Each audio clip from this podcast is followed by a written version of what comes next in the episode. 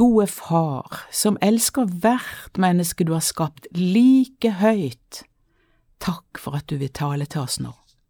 Amen. Jeg slutter aldri å undre meg over hvordan Gud tillater at konger innsettes og avsettes, la riker oppstå og riker gå til grunne, og dypest sett har regien samtidig som han ser og følger med hvert enkelt menneske han har skapt. Han bryr seg om barnet i mors liv.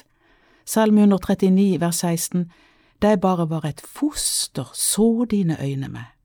I din bok ble de alle oppskrevet, de dagene som ble fastsatt, da ikke én av dem var kommet. Han ser ethvert menneskes tanker og gjerninger, ser tvers igjennom oss, men elsker oss likevel, for vi er skapt av ham, i hans bilde, med en udødelig sjel, det samfunn til fellesskap med han. Så om du og jeg ikke tenker mye på Gud, kanskje ingenting, tenker han mye på oss. Gud vil ha kontakt med deg og meg fordi han elsker oss får han det. Vi betyr så uendelig mye for han. Ingen vil oss så vel som han. Det kan jeg og så mange med meg vitne om. I Bibelen leser vi at det er ingen som kommer på å søke Gud av seg sjøl. I Romerbrevet 3,11 så står det det er ikke én som er forstandig, det er ikke én som søker Gud. Det er Gud ved sin ånd som drar på oss mennesker skaper en lengsel etter noe ingen mennesker kan få tilfredsstilt uten at det får møte Gud gjennom Hans Sønn Jesus Kristus. Jeg vil si det så sterkt, det er Jesus som er meningen med livet. Gud taler til et menneske på så mange måter for å få det til å søke Han, gjennom medgang og gjennom motgang, men Gud er aldri opphav til det onde. Mange kan bli bitre over det livet måtte by de. Fort kan man da komme til å legge skylden på Gud. Ser du meg ikke, Gud, bryr du deg ikke? Det er få som ble prøvd så sterkt som en som Nick Ujijik. Han ble født i 1982 i Australia, uten armer og bein. Som gutt satt han en dag i badekaret, veldig fortvila og nedtrykt, og hadde bare lyst til å avslutte livet, der og da. Hva kunne det bli av han her i verden med et slikt ynkelig utgangspunkt? Mange ganger hadde han spurt sine foreldre hvorfor han skulle bli født slik, men de forsto det ikke sjøl heller og kunne ikke gi han noe svar. Nick valgte å ikke gjøre slutt på livet. Det som veide mest for han da, var at han visste det ville bli så smertefullt for foreldrene hans, og det orka han ikke. Det ble år med opplevelse av mye begrensninger og tunge tak. Når han så fremover, var altså drømmen om kone og barn noe han bare kunne se langt etter. Men 18 år gammel overlot han hele seg til Gud. Jeg skal ikke gå så mye inn på livshistorien hans, men han er i dag predikant, reiser over hele verden, og har vært og er til enorm oppmuntring for mennesker som er i ferd med eller har mista troen på at livet kan ha noe mål og mening når en møter så mye motgang. Han formidler håp til alle som tror deres situasjon er håpløs. Ingen mennesker eller situasjoner er håpløse for dem som satser på Jesus.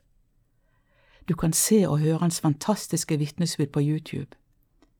Vet du, i dag er han lykkelig gift, har fire barn. Gud ga han tro for at han en dag skulle finne ei å dele livet med. Og Gud holder ord. Bryllupet sto i 2012. I dag er han også leder for organisasjonen Life Without Limbs, et liv uten lemmer. Gud elsker Nick og hadde en god plan for ham. Nicks kropp var ingen straff fra Gud. Men verden ligger i det onde, og trasige ting skjer som kan skyldes ukloke valg, men når ting vi ikke har noe ansvar for, skjer. Vi kan leve et langt liv uten å få svar på alle våre hvorfor. Vi kommer ikke videre dersom motgang krediteres Gud. Gud elsker deg og meg. Han vil så gjerne ta seg av oss i medgang og midt i det tøffe og tunge vi står i. Saken er om vi overlater hele oss til Han, slik Nick har gjort, og mange, mange andre med Han. Gud reiste et kors i verden da han hang sin eneste sønn, som frivillig lot seg drepe, for å dø for alle menneskers opprør mot Gud. På han ble også alle menneskers sykdom og plager lagt. Gud viser her sin uendelige kjærlighet til mennesket, ikke bare gjennom ord, ved å si at den er glad i oss, som vi opplever å lese i Bibelen, men ved å vise det gjennom handling. Det har han forresten gjort helt fra skapelsen av, med å skape et paradis og plassere menneskene der. Hans glede var å glede dem. De valgte å gjøre opprør mot Gud da de begynte å lytte til slangen Satans ord fremfor Guds ord. Gud, himmelens og jordens skaper, din og min skaper, opprettholderen av alt liv, han ser det, han ser meg. Hans blodige sønn på et kors med hele verdens sykdom og plager lagt på seg, roper til oss om Guds enorme kjærlighet sammen med disse mektige ord fra Johannes 3,16, for så har Gud elsket verden, at han ga sin sønn den enbårne, for at hver den som tror på Han, ikke skal gå fortapt, men ha evig liv. Det er et evig liv med Gud eller en evig fortapelse uten Gud ethvert menneske står overfor valget av. La ikke Satan, Guds og menneskets evige motstander, løgnenes far, for å narre deg til å tro at Gud ikke elsker deg, at Jesus ikke døde for deg, at Gud ikke har en god plan for livet ditt. Sa Asaf, han vitner i sin salme han har skrevet i Bibelen, Salme 73, 24. Du, Gud, leder meg ved ditt råd, og deretter tar du meg opp i herlighet. Sats på Gud, inviter Han inn i ditt hjerte, be Han tilgi din synd, tro Han for det Han sier i sitt ord om at Han elsker deg, tilgir deg, leder deg, og begynn å oppleve et nytt liv sammen med Han som sier Jeg er veien, sannheten og livet. Gud velsigne deg. Signe Grøvan Valde delte Guds ord med oss i Over en åpen bibel i dag. Den produseres av Norea Mediemisjon, og du finner flere andakter i vårt rikholdige arkiv på norea.no.